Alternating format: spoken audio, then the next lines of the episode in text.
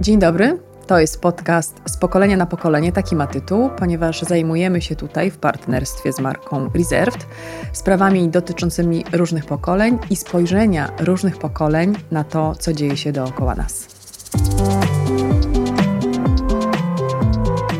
Dzień dobry, to jest podcast z pokolenia na pokolenie. Dzisiejsze spotkanie ma tytuł Pracuję, żeby żyć, czy żyję, żeby pracować? Tytuł podcastu nie jest przypadkowy, bo spotykam się z moimi gośćmi, dlatego że chcemy spróbować zderzyć spojrzenie e, ludzi, którzy reprezentują różne pokolenia w naszym świecie, na tematy, które są bliskie wszystkim.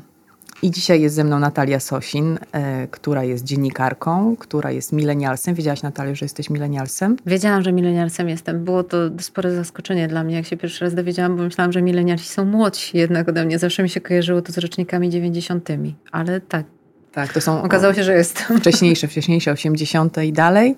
Ja z kolei nazywam się Magda Mołek i jestem mm, dzieckiem e, pokolenia baby boomersów.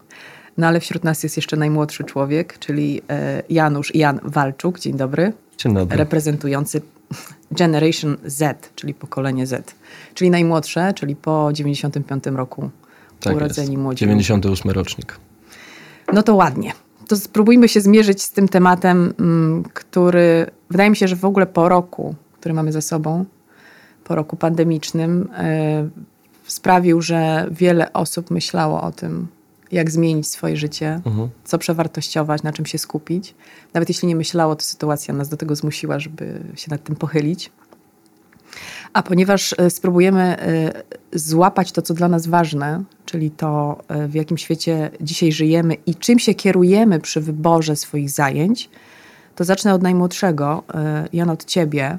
Mm, gdybyś miał odpowiedzieć na to pytanie, czy żyjesz po to, żeby pracować, czy pracujesz po to, żeby żyć, to jaka byłaby odpowiedź? Chyba żyję po to, żeby pracować.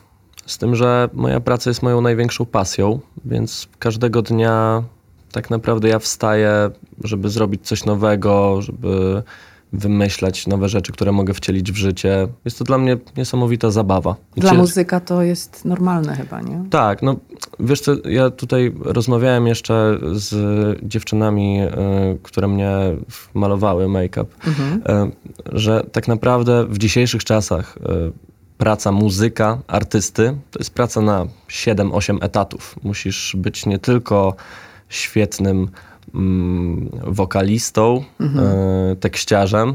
Musisz także sobie wymyślić, jak chcesz, żeby ludzie cię widzieli, tak. bo tak jakby budowanie wizerunku to nie jest coś takiego, że wymyślasz jakąś postać, która nie istnieje, tylko ja przynajmniej podchodzę do tego tak, że to, co ludzie widzą tutaj, mhm. czyli szlafrok, B24, kogo, y, różne te rzeczy, y, to jest jakieś y, ekstrawertyczne przekazanie mojej osoby mhm. do ludzi, ponieważ nie jestem w stanie im powiedzieć wszystkiego. Jak oni zobaczą mnie, musi im się z czymś to kojarzyć. Teraz im się kojarzy na przykład z normalnym 22-letnim gościem, który w szlafroku robi sobie muzykę y, i pije sobie ze swojego kubka kawę. Mm, no i przy, przy w ogóle tym, jak wiesz, kreuję sam, mm. sam siebie, no. Czyli ty muszę... musisz dołączyć ten obrazek tak, muszę to? sprawić to, że na przykład jak ludzie mnie widzą tutaj, tak. mogę, mogę, nie być y, po prostu y, osobą, która, y, która jest rozpoznawalna we wszystkich kręgach, ale jak ktoś mnie już zobaczy, mhm. to fajnie jakby sobie zapamiętał coś i potem, potem jak sobie sprawdzi moją muzykę, to dojdzie do tego. że co, to jest kompatybilne. Dokładnie, co, co, co z czego wynika, ale no ja muszę tak, potem sobie wymyślić teledyski, wymyślić sobie cały, cały plan promocji.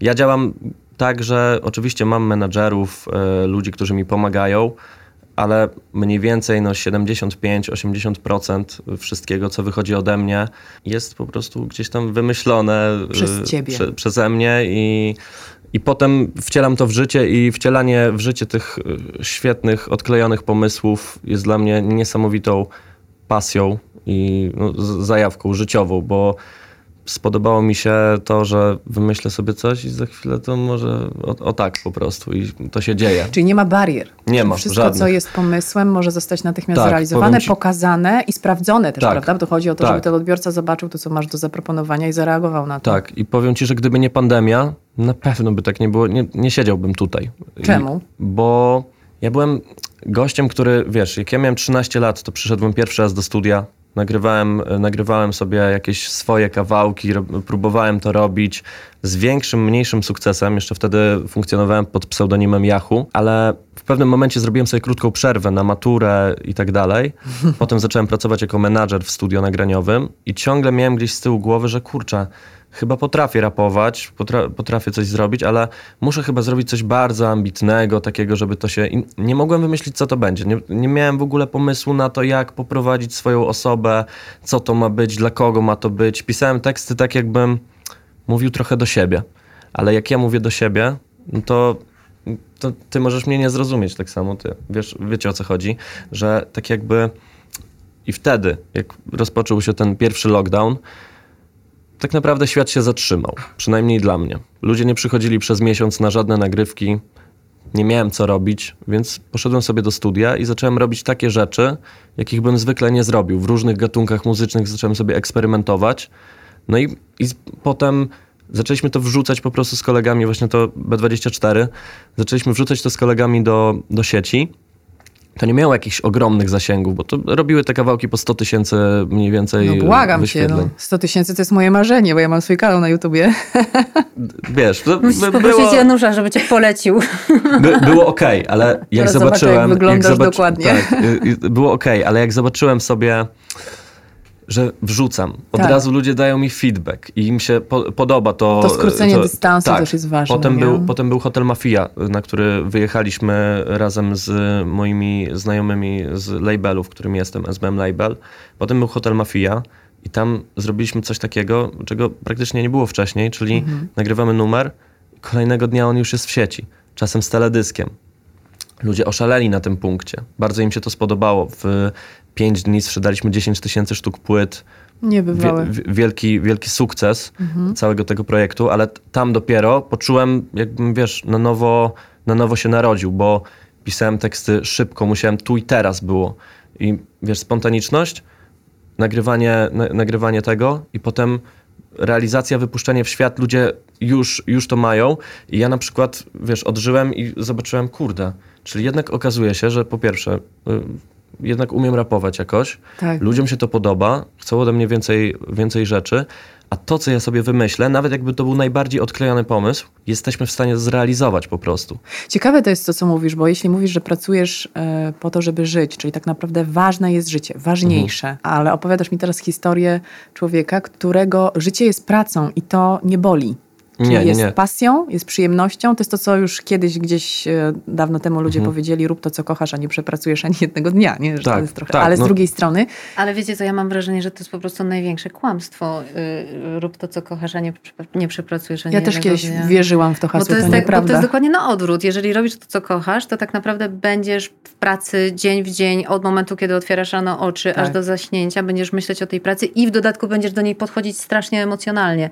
Bo to nie jest taka praca, że idziesz, zamykasz komputer, do widzenia, po prostu już mnie to nie interesuje. Żadne z nas, zdaje się, Całe nie twoje wykonuje życie jest takiej pracą, pracy. bo Tak. to też jest tak, że ty, ja, ty również, my wszyscy jesteśmy twórcą i produktem w pewnym sensie. Oczywiście, że tak.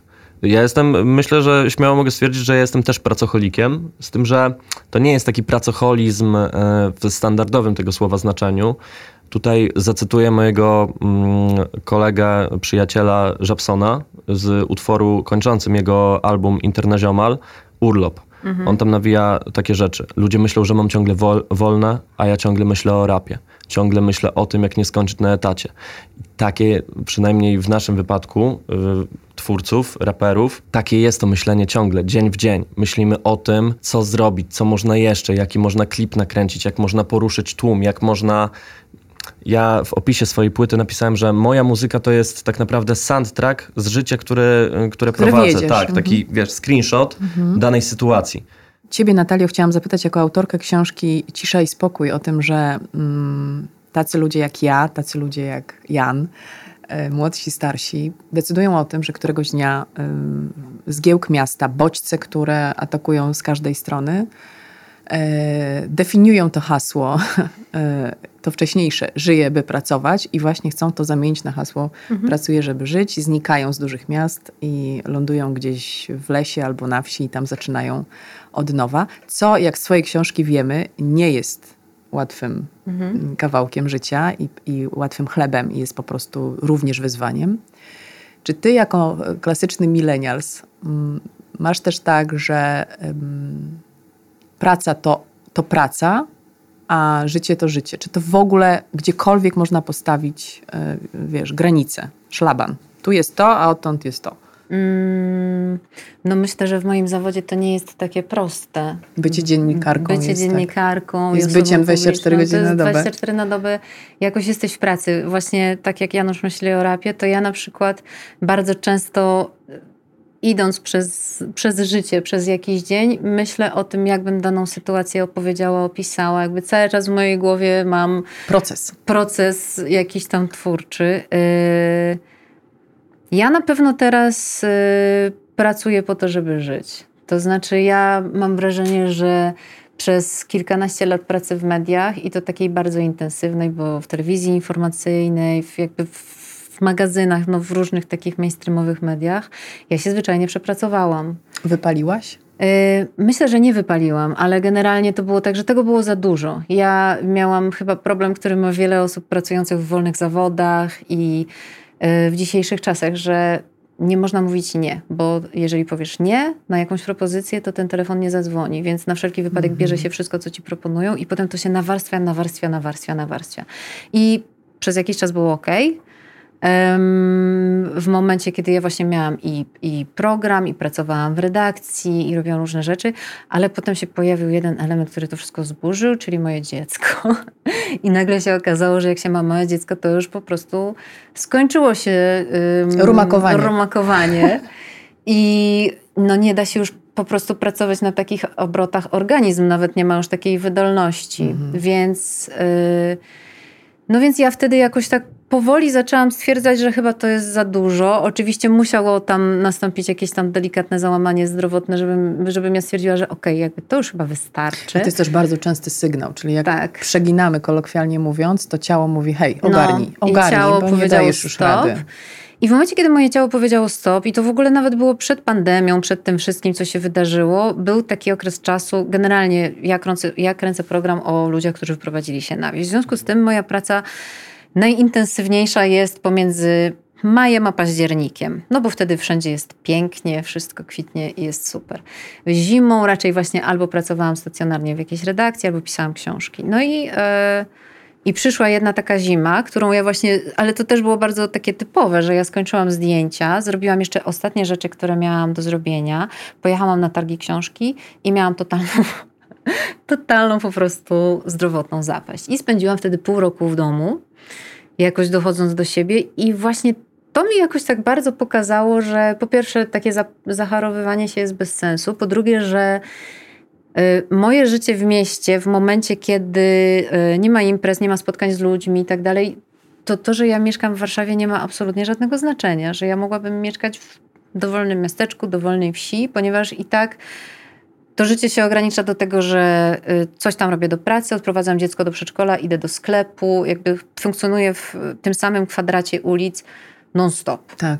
Y, I że właściwie to nie ma większego znaczenia, bo Inni ludzie mają jakieś właśnie i prace swoje, i siłownie, i oczywiście spotykasz się ze znajomymi, no ale jak często? Ty mhm. może często, bo ty jesteś młody i pewnie imprezujesz. Ja zaraz ci powiem, wieku... ja zaraz skontrastuję e, twoją sytuację do mojej, bo wydaje mi się, że jest bardzo podobna. O, no widzisz. Ja e, tuż po maturze dostałem e, propozycję od Solara, właśnie z którym się wcześniej znaliśmy, bo ja nagrywałem u niego w studio. Mhm. Potem on założył sobie właśnie z Białasem label, SBM Label i prowadzi studio, no bo co to? Mhm. I dostałem propozycję, czy będę menadżerem tego studia. Ja jako osoba, która wtedy tylko rapowała, ja nie znałem się w ogóle na muzyce, wiesz, nie.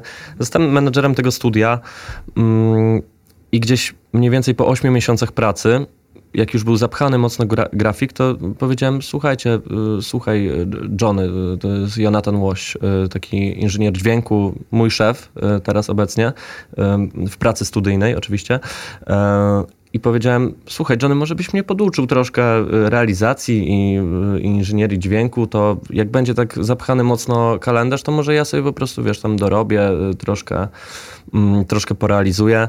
No i zacząłem się tego uczyć i ja mam taką jedną cechę, która z jednej strony może być moim przekleństwem, ale z drugiej największym zbawieniem i dziękuję za to, bo mam tak, że jeżeli interesuję się jakimś tematem, to drążę go do spodu po prostu, aż się dowiem wszystkiego. Dziennikarz. Dziennikarz urodzony.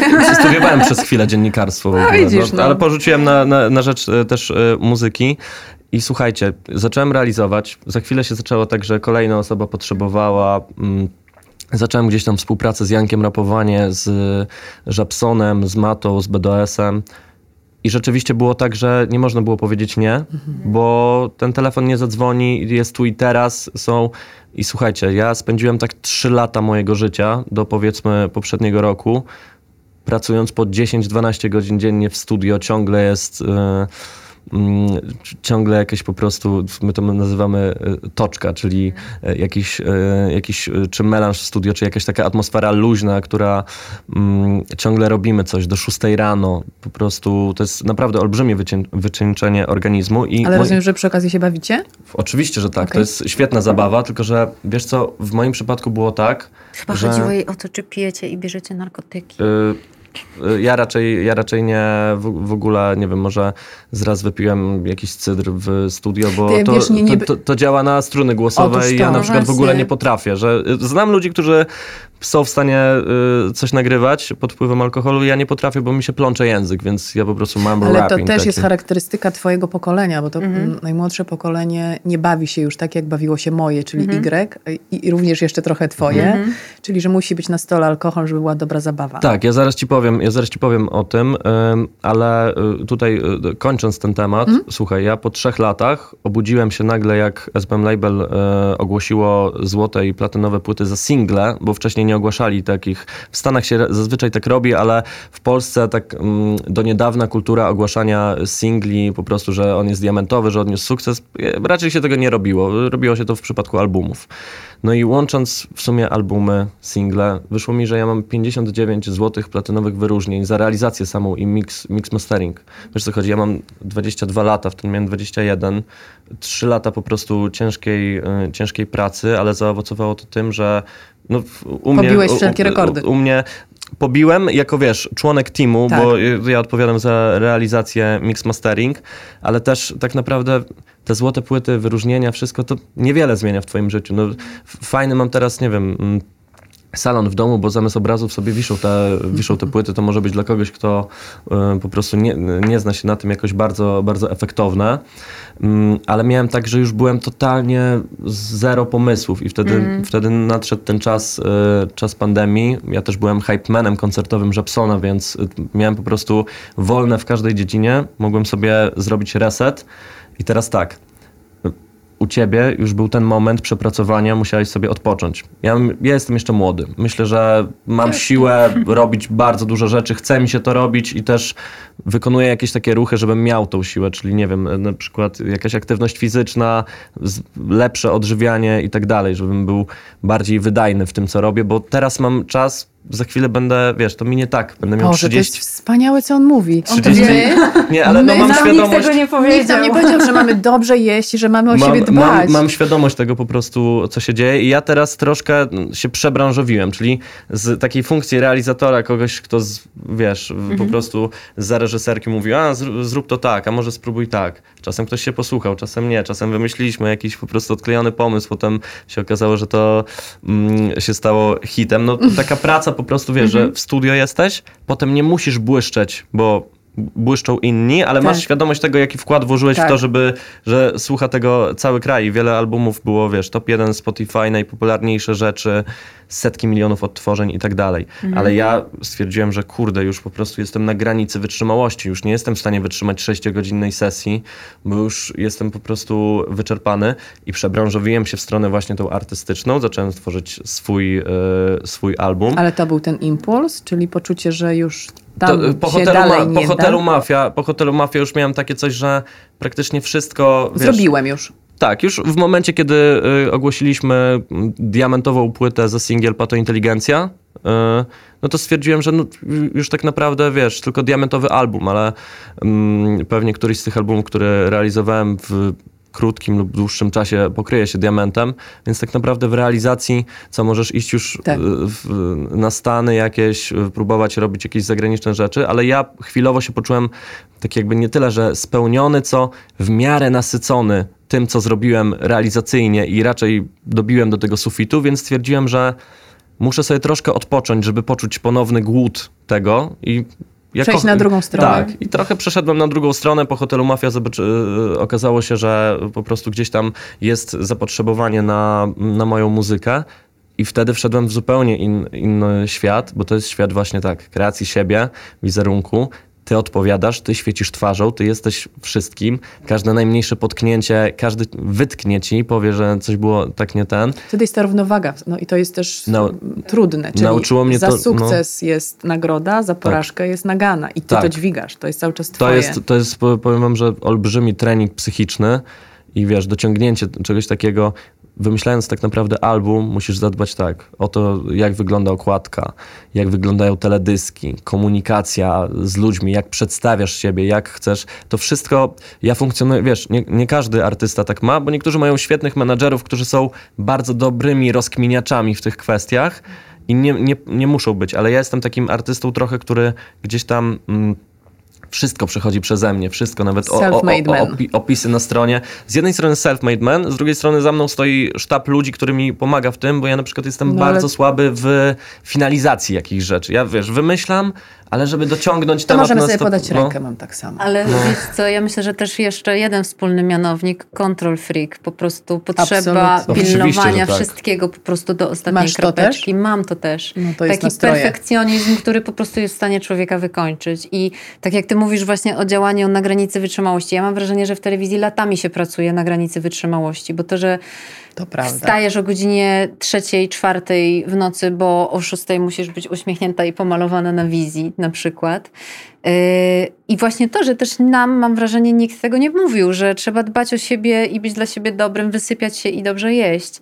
Że na przykład dla kobiet też mam wrażenie, to jest trudniejsze, że jest coś takiego, że ciąża to nie jest choroba. Jak najszybciej po porodzie masz wracać do pracy, w ogóle, żeby nie było. I ja mam wrażenie, że po prostu dla mnie to był, to był ta jedna rzecz za dużo. Że, Oczywiście, że tak. że to było przepracowanie właśnie związane z tym, bo finalnie się okazało, że przepracowanie moje było związane z tym, że ja miałam organizm wyprany w ogóle z magnezu, potasu, wszelkich możliwych pierwiastków, po prostu działający już na granicy wytrzymałości. Na Ale to jest ciekawe, o czym mówicie, bo wychodzi na to z badań e, socjologów, naukowców, psychologów, wynika, że ten gen totalnej kontroli wszystkiego, decydowania o, swojej, o swoim całokształcie, tej ambicji i rywalizacji, jako ostatnie miało moje pokolenie, czyli tam urodzone do 79 roku, czyli wieku twoich rodziców. Jasne. E, Ale okazuje się, że z waszych historii wynika, że to nieprawda, że jednak te geny dziedziczymy, Nie. bo i ty, czyli mil- millennials, i ty, czyli Zetka, mamy, macie, czyli razem mamy to samo, czyli mamy potrzebę tworzenia, odpowiadania za to, wyrażania się w taki sposób, który jest absolutnie nasz. I nikt nam nie Oczywiście, będzie że mówił, Ale co ja w jak. ogóle uważam, że oni mają wiele gorzej, dlatego że ja się zastanawiałam nad tym kiedyś. Jak my byłyśmy w czasach liceum, dajmy na to, to jeżeli komuś zdarzyła się jakaś wpadka, no to najwyżej wiedziała o tym cała twoja szkoła. Najwyżej, nie? A Co też teraz mogą wiedzieć o tym miliony ludzi w internecie Oczywiście, po prostu. tak. To jest tak ogromna presja. Ja naprawdę wielokrotnie myślałam o tym, że cieszę się, że w czasach mojej młodości nie było Instagrama, nie było Facebooka, nie było po prostu tak rozwiniętych social mediów i, i to w, w różne strony działa, że na przykład możesz porównywać się do najbardziej przystojnego typa w twojej szkole, ale nie do milionów przystojnych typów mhm. na całym Oczywiście, świecie. Że tak. Oczywiście, I że tak.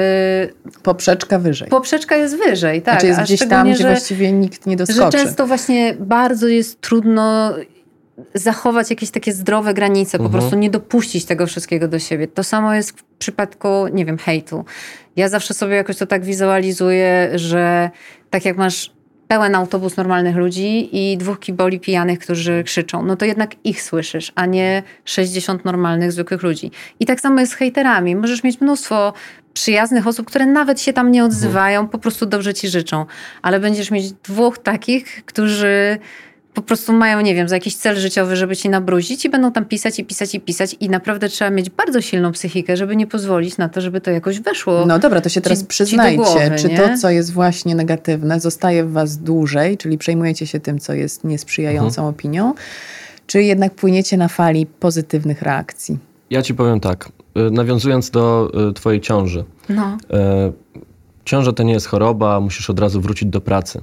Ja miałem taki, taką sytuację, że moja mama w momencie, kiedy ja się urodziłem, przez pierwsze 6 lat mojego życia nie pracowała, bo stwierdzili z tatą, dobra, e, Jarek, ty po prostu ogarniasz tutaj e, firmę, sprawy jakieś e, informatyczne.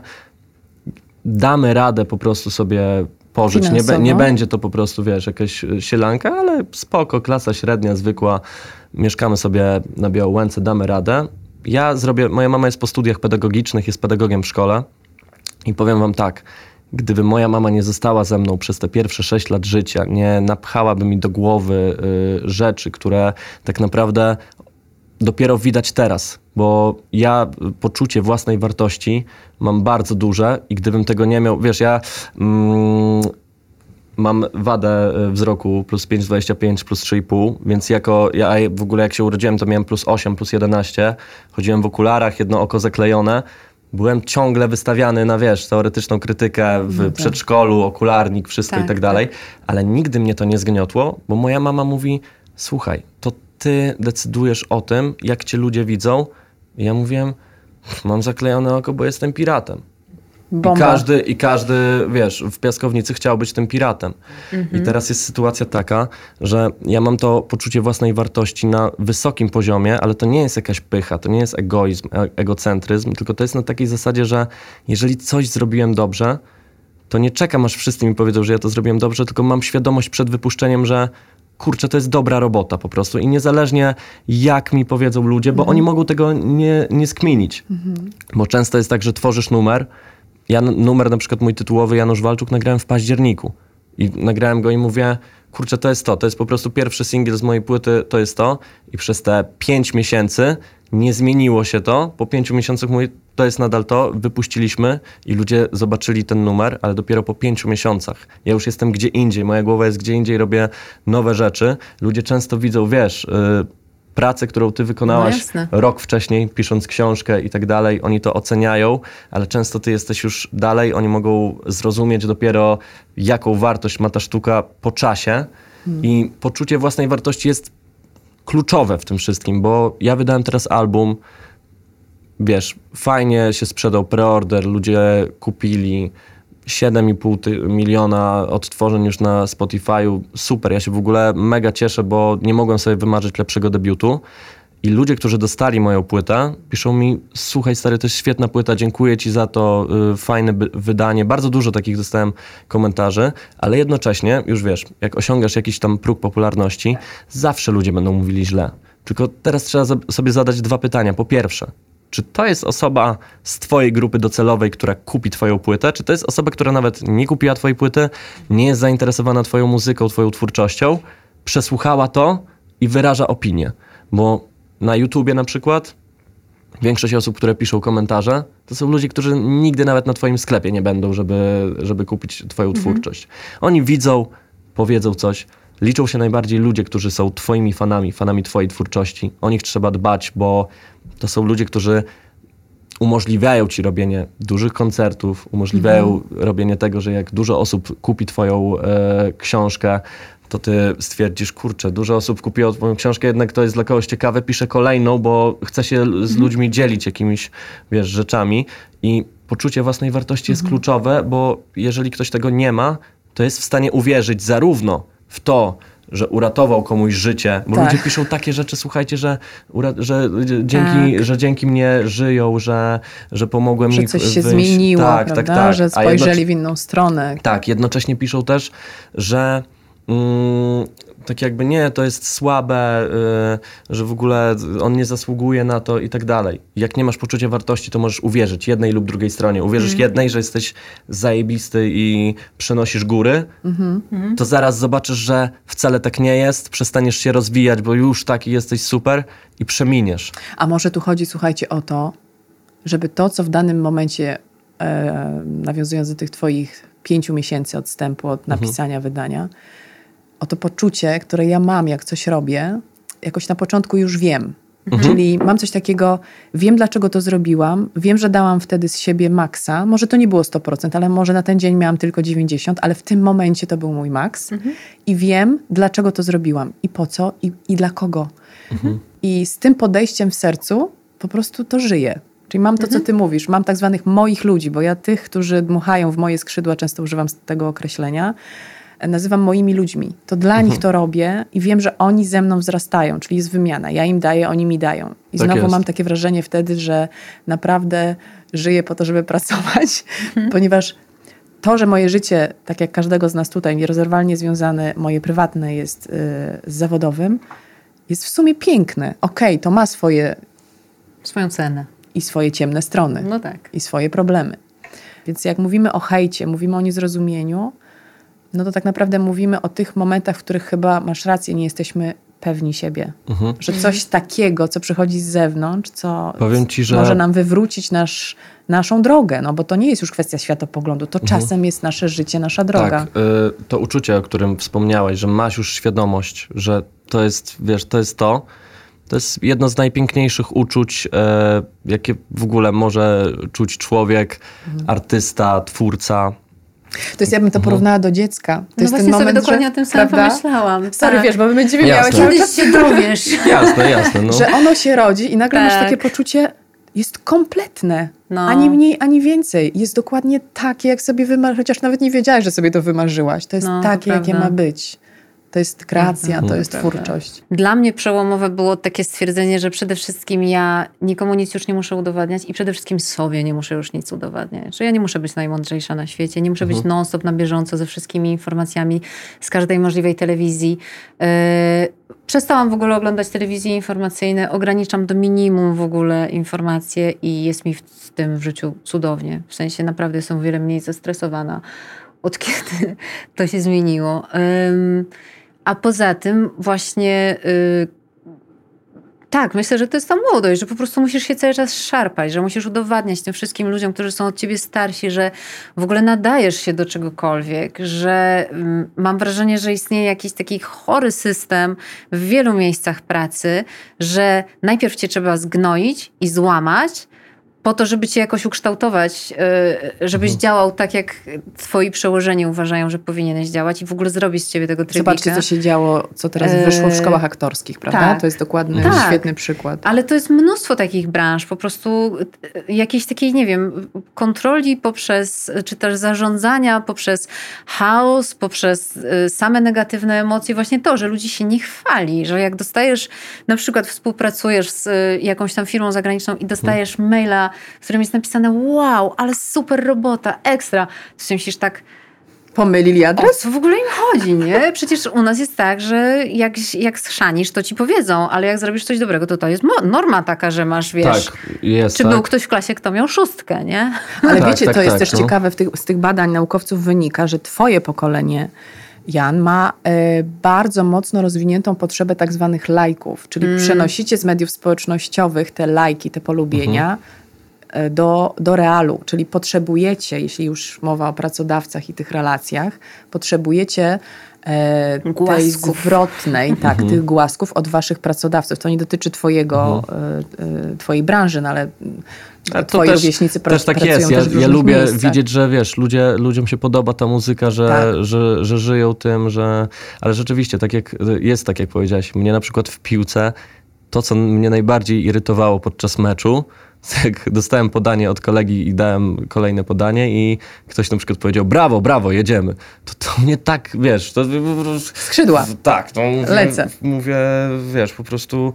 Mm, i z jednej, ale z jednej strony miałem taką, taką troszkę irytację, że wiesz, że to jest normalne, że podałem, wiesz, mm -hmm. dobrze, bo to jest mój, mój ten, ale rzeczywiście nie wiem, nie jestem w stanie stwierdzić, czy to w naszym kraju tak jest, ale rzeczywiście działanie, wiesz, dobre, robienie dobrych produktów jest traktowane jako norma, mhm. ale jakikolwiek po prostu obniżenie lotu jest traktowane, że o, nie, nie. Czyli to, już, to jest no... nadal, bo mnie się wydaje, że to tylko mnie dotyczyło właśnie nie. to, że tyle lat spędziłam e, na tym wysokim tronie, pochwałę słysząc dwa razy, hmm. a jeśli było coś źle, to mhm. zawsze było o tym gadane. Oczywiście. Czyli nigdy tak, nie no. znaczy, tak, masz rację, dobre było uznawane za coś, co się wszystkim należy i to, że to jest norma.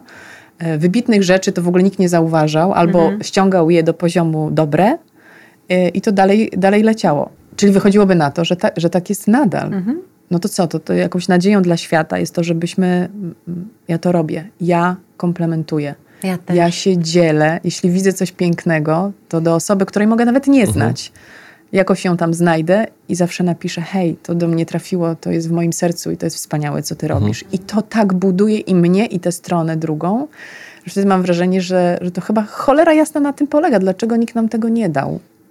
Ja no też. Myślę, no... że sam tego nie miał. Bo Mo sam, aha, tak, czyli że możliwe. nie umiał. Tak, nie ma, nie ma tej kultury w ogóle. Natalio, bo tak patrzę na ciebie, bo myślę, że jednak jesteście z dwóch różnych światów po tym, co już nam Jano powiedział.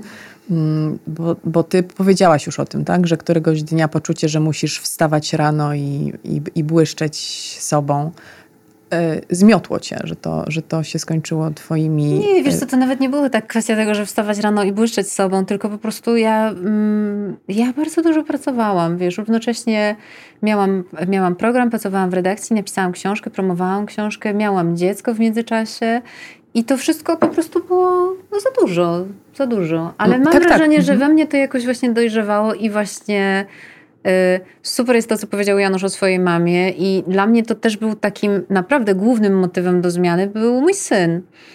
Y, ale nawet nie ten moment, kiedy się urodził, tylko moment, kiedy poszedł do przedszkola. I to było super przedszkole, naprawdę świetne, na Saskiej Kępie, bardzo fajne, yy, świetne dzieciaki tam były, no w ogóle wszystko ekstra, ekstra. Tylko, że jednak to jest po prostu taka, no piękna, różowa banieczka. I jak ja słyszałam, odprowadzając go do tego przedszkola, na przykład jak rozmawiają tam sześciolatki o tym, że yy, mieli casting do szkoły podstawowej bo casting. tam jest casting, bo jest francuska podstawówka i amerykańska podstawówka i po prostu oni mają tam rozmowy kwalifikacyjne, żeby dostać się do podstawówki.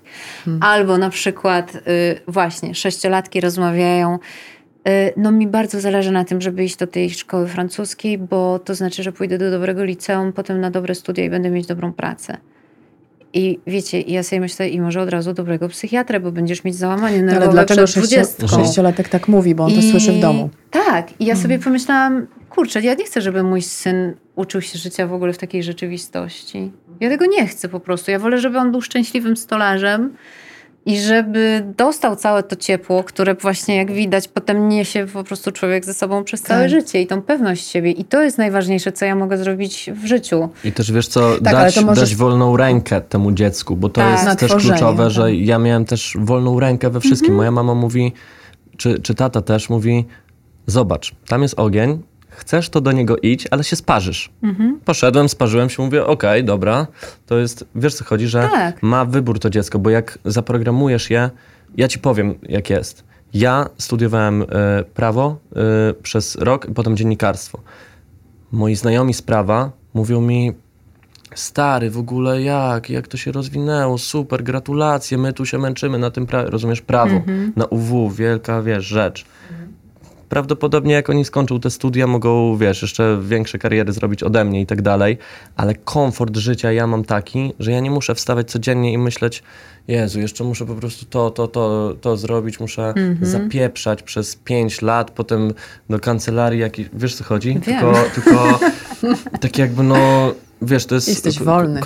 w pewnym, w pewien sposób wolny, ale też to, co ty powiedziałaś, myślę, że nie różnimy się aż tak mocno, bo ja też mam czasem dni takie, że wiesz, ja muszę prowadzić swoje social media, wszystko w miarę na bieżąco, żeby ludzie też byli na bieżąco. Ty nie masz wolnego. Nie mam. On w ogóle nie ma wolnego. Nie ma Ty opcji. ogóle jesteś nie ma wolny, ale nie masz wolnego. Ale są, ale Ja są, mogę powiedzieć, no. że jestem w lesie, nie mam zasięgu, nara, a on po prostu... Nie ma opcji, nie nie ma ma, opcji. opcji. A czasem są dni, że ja nawet mówię, nie no, nie nagrywam Instastory, bo ja nawet uśmiechu nie mam na, y, na Tak. tym, to co, co o, tak mam, o tak mam mówić, ale to też nie jest takie, y, to też nie jest coś takiego, że ja nie nagrywam Instastory, bo nie mam uśmiechu, a muszę być uśmiechnięty w social media. Nie zrobisz tego, jeśli Tylko tego ja nie po czujesz. prostu mówię, po co ja mam się teraz produkować, jak ja najchętniej to bym po prostu w ciszy sobie posiedział, pospacerował, czy, czy coś w tym stylu. Też, też są takie dni, tylko że ja jestem młodą osobą i jestem w stanie na tym etapie swojego życia poświęcić to, bo tak jakby, wiesz, jakieś tam...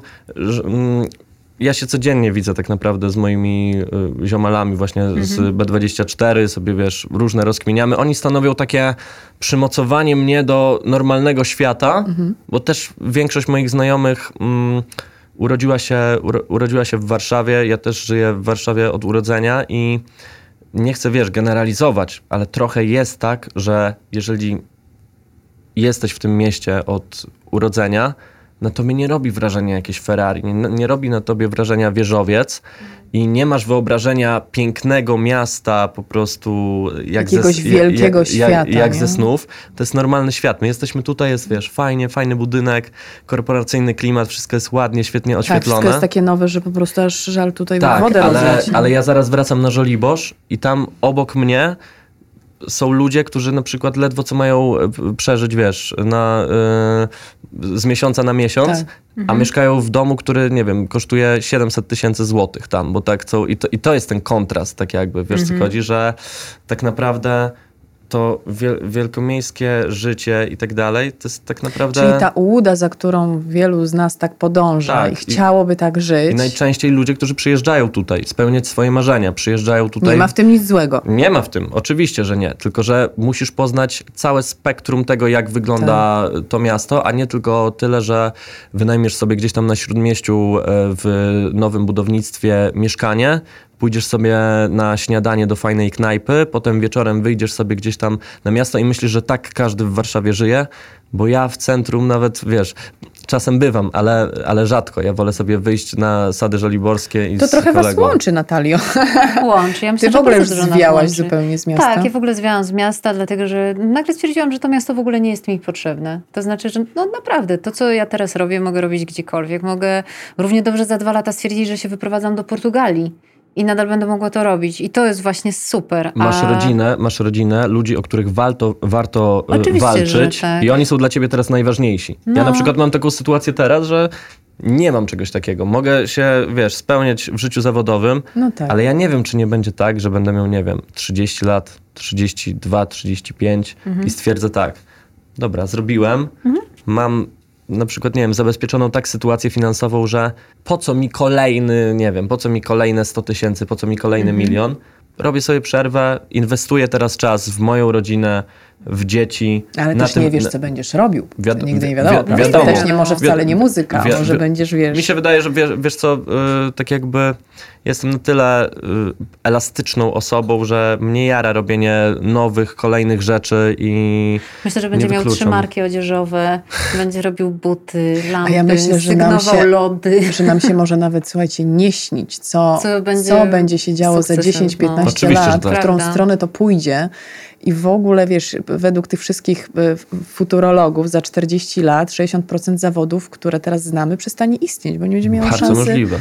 To, co ty mówisz o swoich kolegach, studentach prawa, no to jest akurat taka dziedzina, Mhm. która pe- pewnie zawsze będzie, to trochę jak lekarze, oni się utrzymają na rynku, ale e, jest mnóstwo zawodów, które już teraz pandemia e, zweryfikowała i okazuje się, że możemy bez pewnych rzeczy żyć. Jak musimy bez nich żyć, to jesteśmy w stanie tak funkcjonować. Pytanie jeszcze o pieniądze, bo poruszyłeś tę ważną kwestię, bo bycie takim wolnym strzelcem, osobą, która decyduje o tym właśnie, jak chce żyć i gdzie chce żyć, e, zapala nam zawsze w głowie taką czerwoną lampkę. Ja tutaj też mam te... Masz te lęki. Oj, mam te lęki. Ja mówię, ale ja jestem jeszcze to stare pokolenie, które musiało mieć, na, moi rodzice... Mi... Stabilizacja. Tak, rodzice zawsze mówili, jestem z domu, w którym mówiło się, trzeba mieć na czarną godzinę. Mhm. Nie wiem, czy znacie to hasło. No tak. Trzeba mieć na czarną godzinę odłożone pieniądze. I to był zawsze taki z kolei mój motywator, że ja muszę mieć jakieś, jakąś poduszkę, jakieś zabezpieczenie, bo ciągle pracuję, ale nigdy nie wiem, kiedy to się nie urwie. Czy to jest y, lęk do przepracowania, że nie wiesz, jak będzie, że może przez pół roku, a byłaś wyłączona przez pół roku, będziesz funkcjonowała i dasz radę mimo tego, albo na przekór temu, co robiłaś do tej pory. Nie będzie tej, tej, bezpieczeń, y, tej fi finansowego zabezpieczenia i tej poduszki, ale będzie jakiś rodzaj oddechu. Ten lęk można opanować, Myślę, że tak. Wiesz co, ja akurat jestem taką osobą, która nie ma kredytu, nigdy nie miała kredytu, mm. nigdy nie chciała mieć kredytu.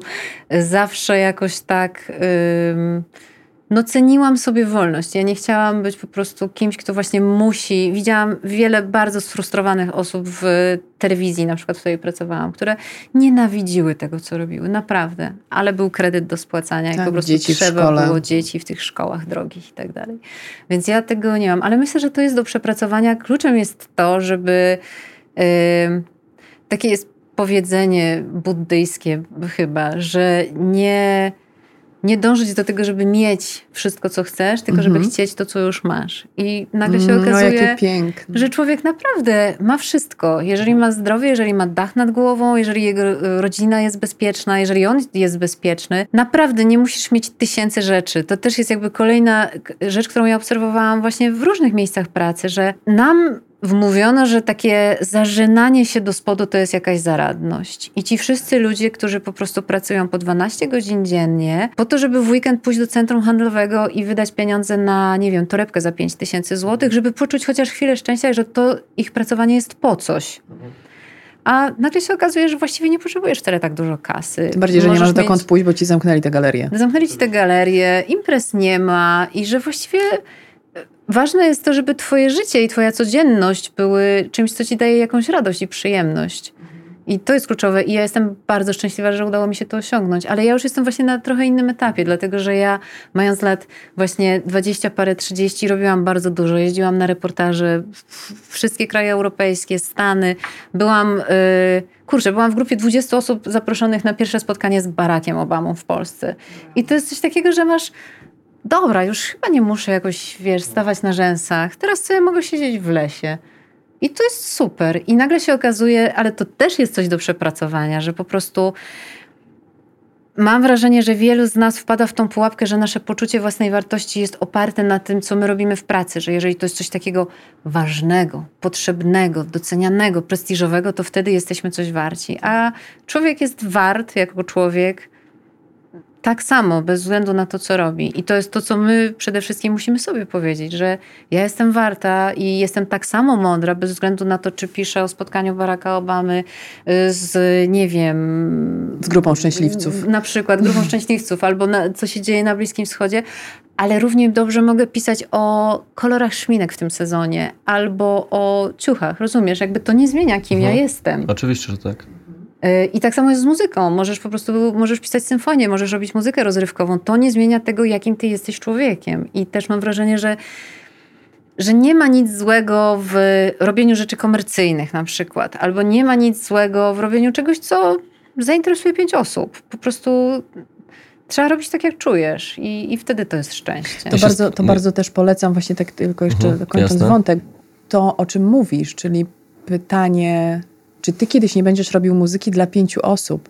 Bo e, gdyby mi ktoś takie pytanie zadał 15 mhm. lat temu, czy z tych wielkich zasięgów telewizyjnych zejdę kiedyś do podziemi i zacznę swoją ciężką pracę, budując e, na podstawie tego, co nadal robię, ale swoje, swoje miejsce e, na YouTubie, gdzie zasięgi e, są moje, są organiczne i robię je naprawdę od zera sama, e, to, to bym się pewnie wtedy postukała w głowę. No gdzie, do jakiego YouTube'a? Co ty zwariowałeś? Hmm. Przecież ja tutaj tyle mam, nie? I mhm. wtedy właśnie to moją wartość wyznaczało to, że program, który prowadzę ogląda, nie wiem, 2 miliony osób, 5 milionów osób.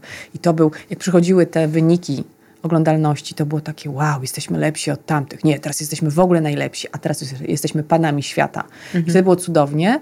Ten roller coaster zjeżdżał w dół, kiedy okazywało się, że przegrywamy i potem to się utrzymuje i nadal jesteśmy przegranymi. Co my mamy z tym zrobić? A przecież my się nie zmieniliśmy, mhm. jesteśmy nadal tak samo dobrzy. I, I kiedy odważyłam się zakończyć tą swoją y, zawodową przygodę tam, czyli jakby to porównać do twojej decyzji, wyprowadziłam się z wielkiego miasta na wieś bez zasięgu, mhm. poczułam totalną wolność. Znaczy poczułam, że, że choćby miało mnie oglądać pięć osób, to ja chcę to robić. Mhm. Bo ja teraz, ja teraz wiem, jak ja chcę to robić. Ja już to wszystko przerobiłam, już wszędzie byłam, już mhm. spotkałam Baracka Obamę.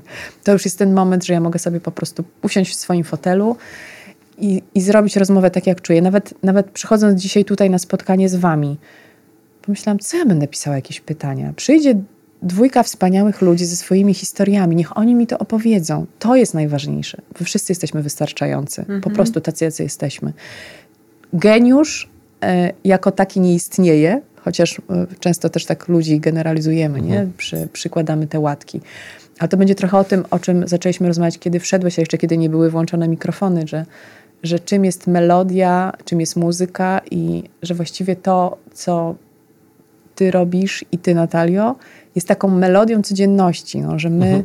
że to jest cały czas jakiś rytm, że to się w coś układa i praca jest życiem, życie jest pracą i to jest piękne, tylko umieć stawiać granice może być e, fajnym takim też doświadczeniem dla każdego z pokoleń innym, no ale myślę, że każdemu inaczej potrzebnym. Chociaż cholera zakładałam, że będziemy się bardzo różnić, a wygląda na to, ci, że wszyscy się urodziliśmy w 76.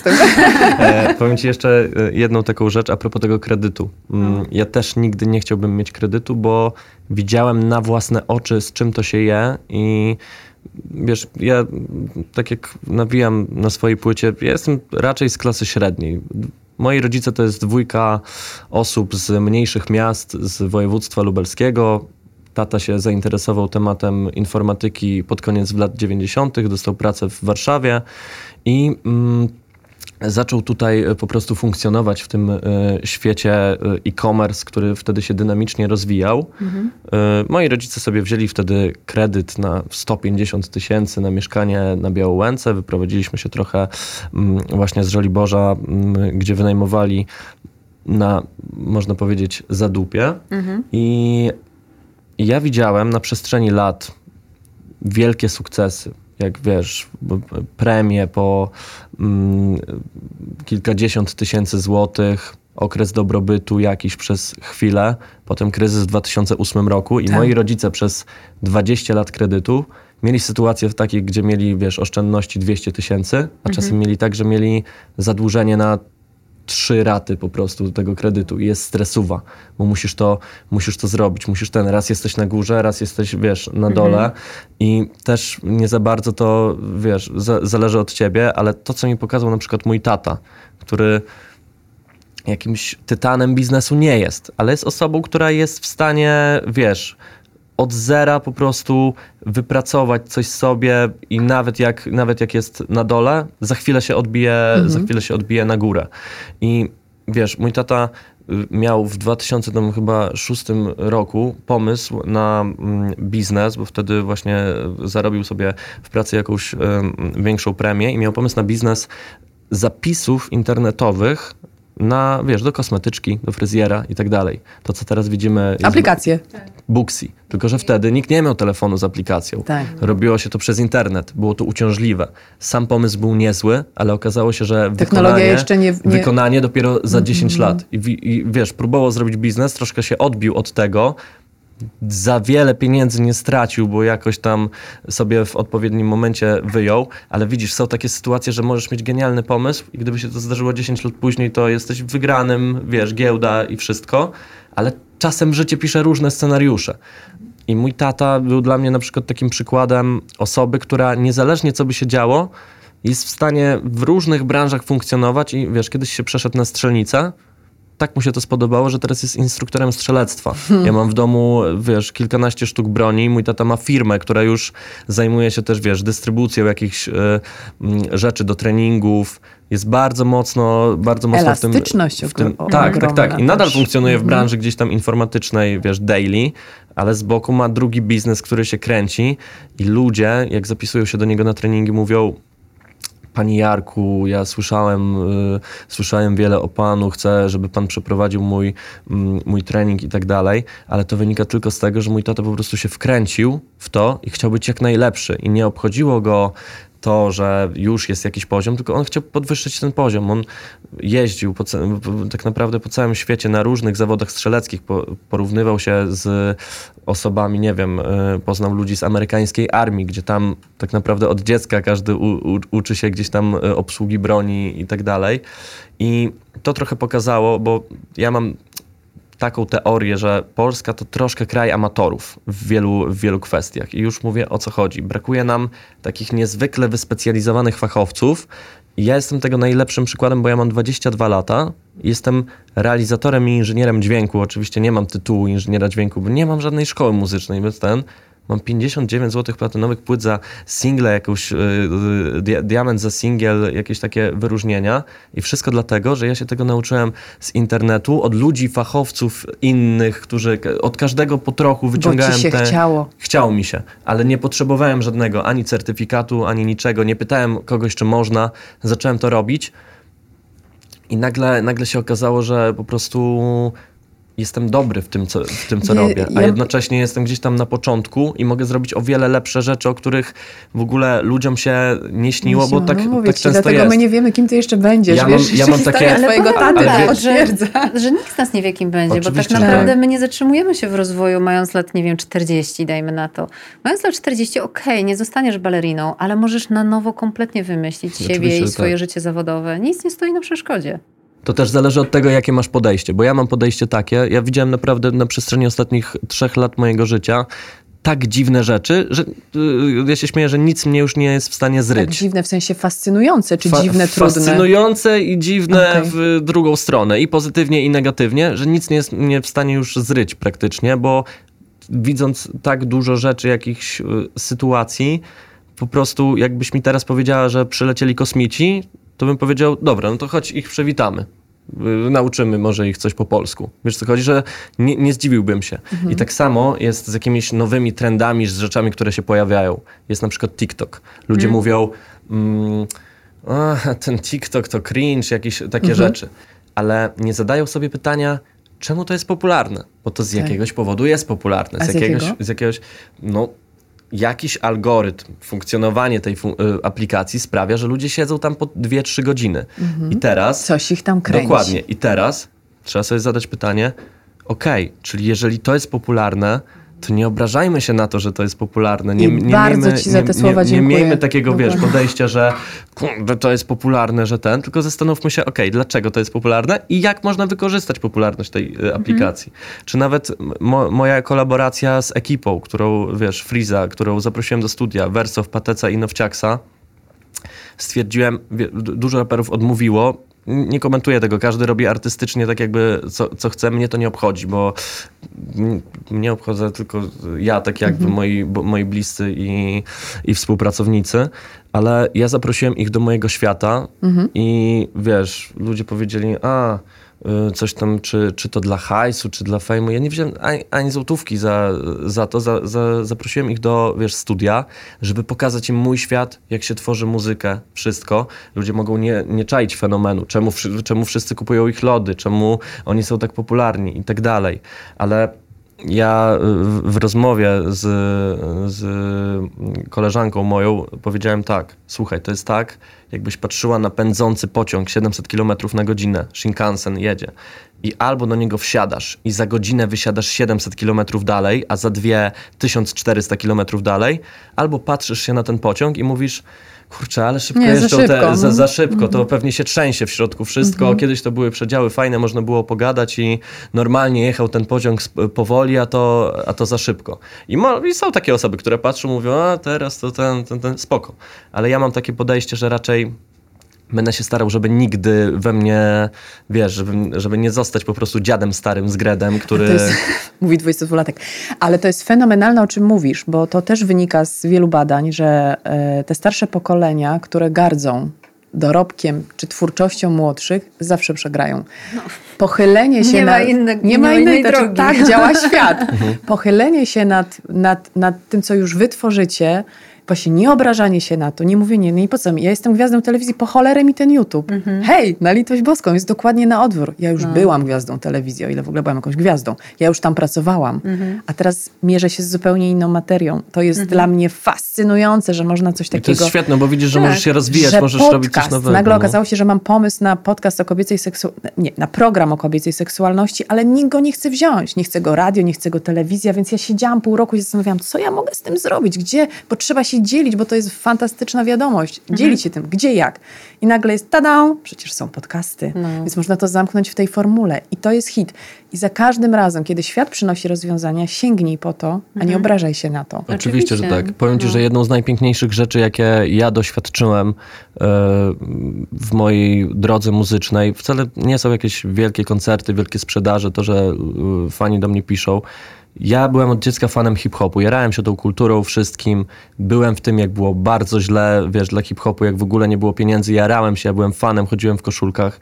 I teraz wydałem płytę, czy je- jest, wiesz, e, jest ten vlog z Wersow na jej kanale, że robię takie rzeczy, które są mm, popularne i piszą do mnie na przykład raperzy, którzy mają 46 lat, starzy, którzy, wiesz, Dzięki. tworzyli, two, two, znaczy sta, starzy, no po No prostu... starzy, ja po prostu, stara, ja mam 45 lat. po prostu już wiesz, być twoją mamą. sta- s- tak. I e, piszą do mnie i mówią, słuchaj, świetny poziom realizacji, rób to dalej, brawo, młody, jaram się, masz talent i tak dalej. To było dla mnie po prostu, że ja poczułem się, że Jezus, Ale, To jest wiesz co, ale To nie, jest słuchaj, hip-hop, ja mam co wrażenie, że to też jest tak, że raperzy, którzy w ogóle coś osiągnęli, nie wiem, typu PZ, dajmy na to. To jest tak, jak masz na studiach y, starych profesorów, który zaz, którzy zazwyczaj są bardzo właśnie tacy zachęcający i na przykład doktorantów, którzy są najgorsi dla studentów. Że właśnie oni, ci starzy raperzy, oni są już tymi gośćmi, którzy po prostu, oni już mieli Nie te muszą. koncerty Tak, wi- wi- dziesięciotysięczne. widzą to. Oni to widzą, oni to rozpatrują na zasadzie, okej, jest to nowość, może nie kumam tego do końca i dlaczego tam jest non-stop wokoder, ale spoko. Ale jakby. nie będę tego negował. Tak, a z drugiej strony, wiesz, jak trochę się zna historię muzyki, to to też jest tak, no wokoder był używany od lat Oczywiście, że, kurczę, oczywiście, że tak. 70., I też, ja, I też ja, wiesz, lubię rozmawiać z tymi ludźmi po prostu, którzy są starsi ode mnie, bo oni mi też mogą opowiedzieć, jak wyglądało to 20 lat temu, co było i ja im mówię tak, słuchajcie, wy musieliście się na zapieprzać, żebym ja teraz w szlafroku fioletowym Siedział sobie z Matą Mołek. ale wiesz, mu, mu, mu, musiał sobie, mógł To sobie już nie działa. Mógł sobie śpiewać, mógł sobie śpiewać, wiesz, y, i więcej, bo tak naprawdę to, co ja zrobiłem, taka, ta płyta, to jest taki popraw, można powiedzieć. Ja poszedłem bardzo w stronę taką, bardzo przystępną i tak dalej, bo chciałem zrobić taką płytę, bo uważałem, że na polskim rynku mało takich rzeczy wychodzi, a chciałem to zrobić po swojemu, z pełną dowolnością, ale jaram się tym, że można, wiesz, przeprowadzić taki dialog międzypokoleniowy i to nie jest obrażanie się, bo o, teraz coś jest popularne i tak dalej. I ja oddaję szacunek tym osobom, bo ja wiem, bo, słuchajcie, to tak jakby kiedyś nie mogłeś zostać też raperem z 20 lat temu, bo jak nie miałeś jakichś, wiesz, na, na osiedlu po prostu odpowiednich chodów, to było, że się wozisz, że ten. To zupełnie inna mentalność. Zostanie po prostu artystą, wiesz, był utrudniony dostęp do, nie było, nie było tak rozwiniętych e, gdzieś tam miejsc, No studia, nie, no studia no nagraniowe. było studio nagrań, tak. Dokładnie. Dokładnie. Zupełnie inna, wiesz, kultura. Oglądałem ostatnio film Straight Outta Compton o NWA, e, tam Easy E, Ice Cube i tak dalej. e, I oni już, tam wiesz, w Stanach wygląda to tak, że oni nagrywając pierwszą płytę, nagrywali w profesjonalnym studio, wiesz, ładnie zrobionym. W Polsce miałeś wytłaczanki jakieś do jajek, tak, paktofonika. Mm. I Wiecie o co chodzi? słuchawek. Ci ludzie wszyscy wykonali masę, masę po prostu e, Oni roboty. byli dla takich jak ty, jak takie spychacze. Oni No. po prostu zepchnęli Tak. wam, młodym, z drogi to wszystko, Czy nawet, co było takim, słuchaj, wiesz... nawet, nawet tak jakby pięć lat temu y, Żabson, mój przyjaciel, który, z którym grałem koncerty, ile on się musiał nasłuchać o sobie rzeczy, wiesz, że w różowej bluzie miał okładkę czy coś. To wszystko przełamywanie jakichś takich granic. Dopiero od niedawna, od dwóch, trzech lat jest tak, że jest ta wolność artystyczna Tak. gloryfikowana i można, można robić dużo rzeczy, ale naprawdę i ja mam teraz, mówię przez tych wszystkich ludzi, ja mam drogę usłaną różami, bo teraz ludzie jarają się tym, że nie ma to granic, że może być to takie, może być to jest takie. takie, jakie ty jako Ale twórca chcesz, żeby było. Nie masz wrażenia, że to jest jedno z oblicz y, obalania patriarchatu i w ogóle niszczenia tej toksycznej męskości też? Że możesz sobie nie być z osiedla, możesz być w fioletowym szlafroczku, bo to już jest Ja, to ja akurat, ja, akurat jestem, ja akurat jestem z osiedla, ale y, tak jakby... mm, Ale nie wychowała cię ulica, no.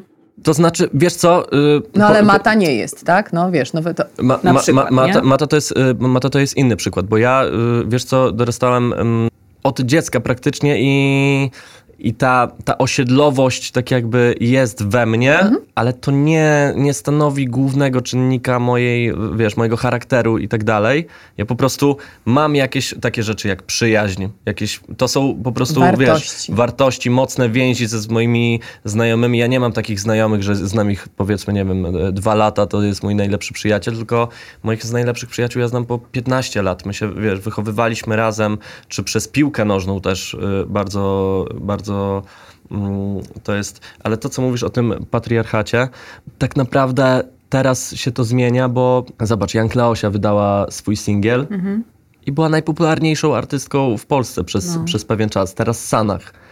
Dziewczyny mają w ogóle piękne głosy, są świetnymi artystkami i teraz dużo osób mogło mówić, nie wiem, e, m- mogło mówić, że o, ona nie potrafi śpiewać, czy ona jest taka, taka i owaka, ale często to są ludzie, to też powiedziałem w wywiadzie z Tomkiem Doksą dla Red Bull Music, że często to są ludzie, którzy nawet nie rozumieją tej muzyki, bo moja muzyka na przykład jest zupełnie inną muzyką niż, wiesz, inni, y, inni tworzą i na przykład muzykę takiej Young Leosi, która jest DJ-ką i jakbyś poszła na jej imprezę, to byś się wytańczyła po prostu za wszelkie czasy i słuchaj, jej muzykę poczujesz, tak wiesz, w 100% o drugiej w nocy w klubie na melanżu i jak zobaczysz, jak się zachowuje tłum, to mówisz okej, jeśli chodzi o... Można przeklinać, czy nie? jasne. Jeśli chodzi o pierdolnięcie, no to Young Leosia jest szefową po prostu.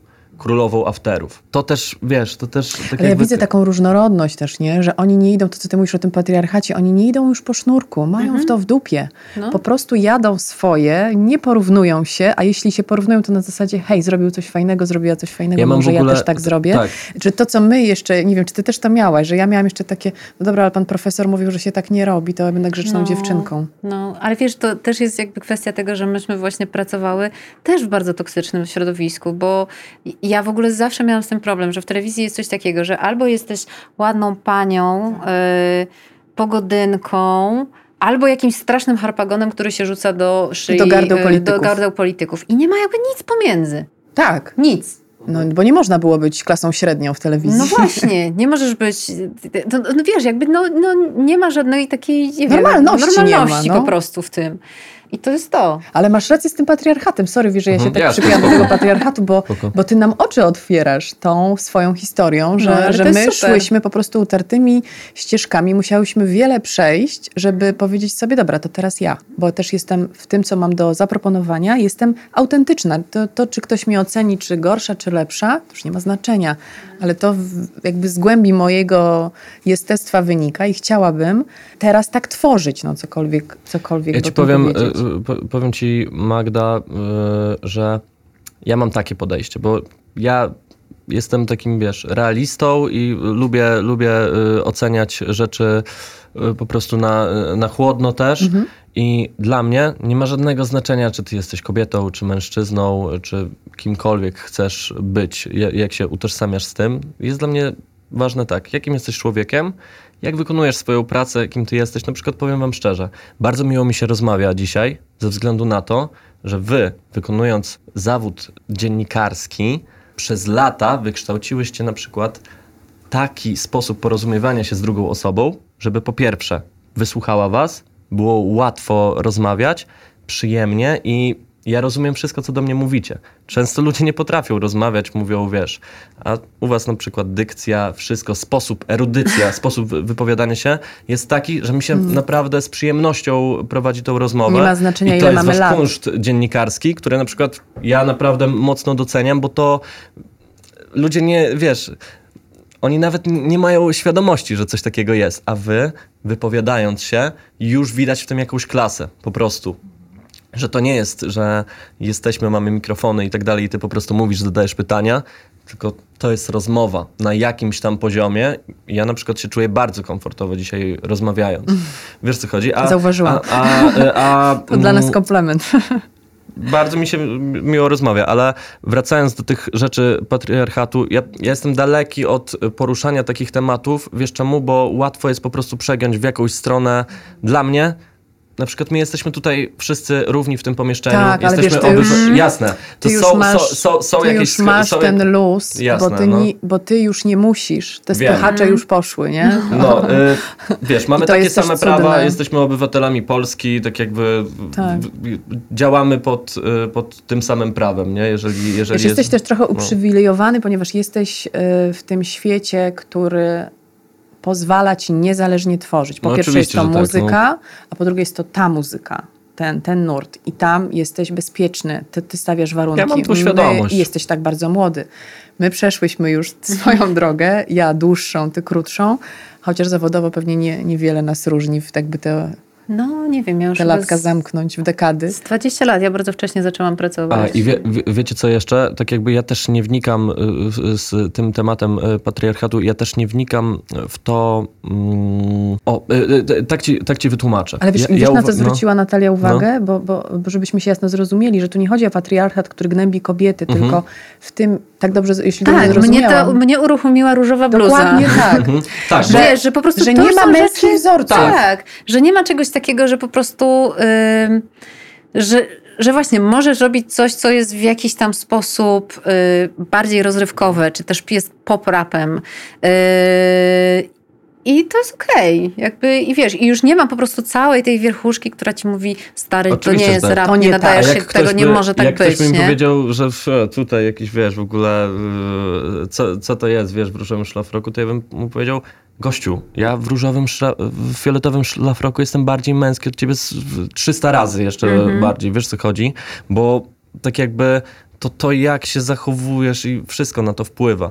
Ja w ogóle uważam, że mm, wiesz, zarówno mężczyźni mają jakieś tam mocne, mocne swoje strony Oczywiście. I, i gorsze, i kobiety. Ja na przykład w niektórych sprawach nigdy nie będę tak dobry jak kobieta i, i vice versa, ale wiesz, tak jakby jest pełna dowolność i są realizatorki dźwięku, które na przykład realizatorka Lil Uzi y, Verta, y, Kesha Lee, która y, zrobiła w ogóle Uzi Make It Again, nie?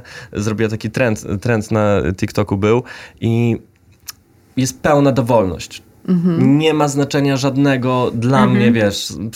Zresztą ja współpracuję y, i zarówno y, szefowa teraz mojego labelu, y, Kasia, szefowa finansów Dorota, dziewczyny z księgowości, moja bukerka Magda. Ja praktycznie z samymi kobietami współpracuję, I to jest tak wspaniałe, widzisz, a my tak jeszcze pamiętamy ten świat. Widziałam ostatnio dokument gdzieś chyba w Kanal Plus o piosence Holiday Madonny, mhm. od której zaczęła się jej wielka światowa kariera. I tam była, to były głębokie, początek lat 80.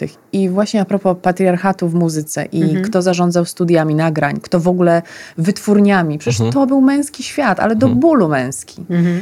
E, I była historia tej, tej piosenki i wypowiadali się chórzyści, którzy pracowali z Bee Gees i zostali zaproszeni po nagraniu singla Holiday przez e, Madonnę do współpracy przy piosence Material Girl.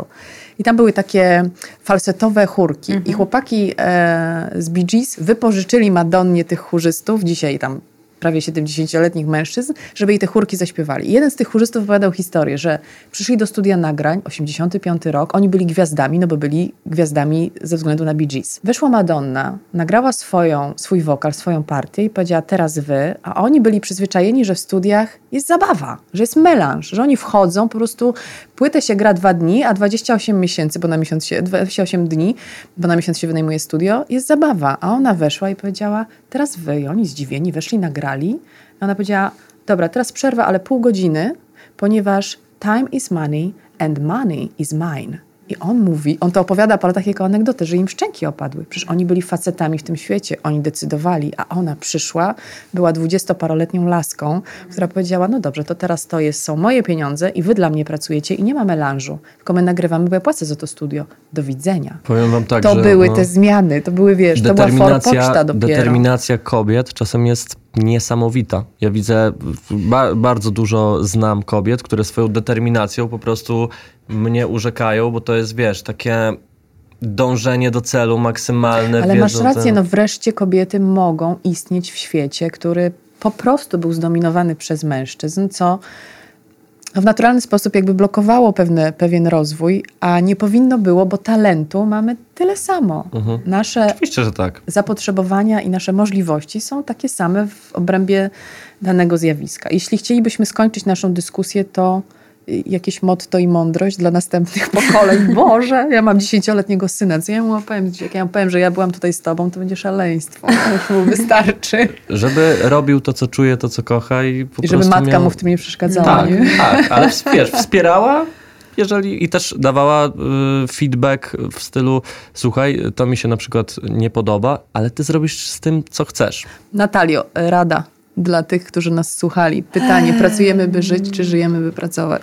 Moja rada. Moja rada jest taka, że y, w życiu chodzi o życie. Że ani pieniędzy, ani karier, ani sukcesów, y, ani samochodów. Już mówiąc tak uff, bardzo górnolotnie, nie zabierzemy do, do grobu, ale to też nie jest coś takiego, co nas jakoś e, ogrzeje w, w momencie jakimś trudnym. Y, że najważniejsze są przeżycia. Że to, co mamy w głowie, to jest jedyne, czego nikt nigdy nie może nam zabrać.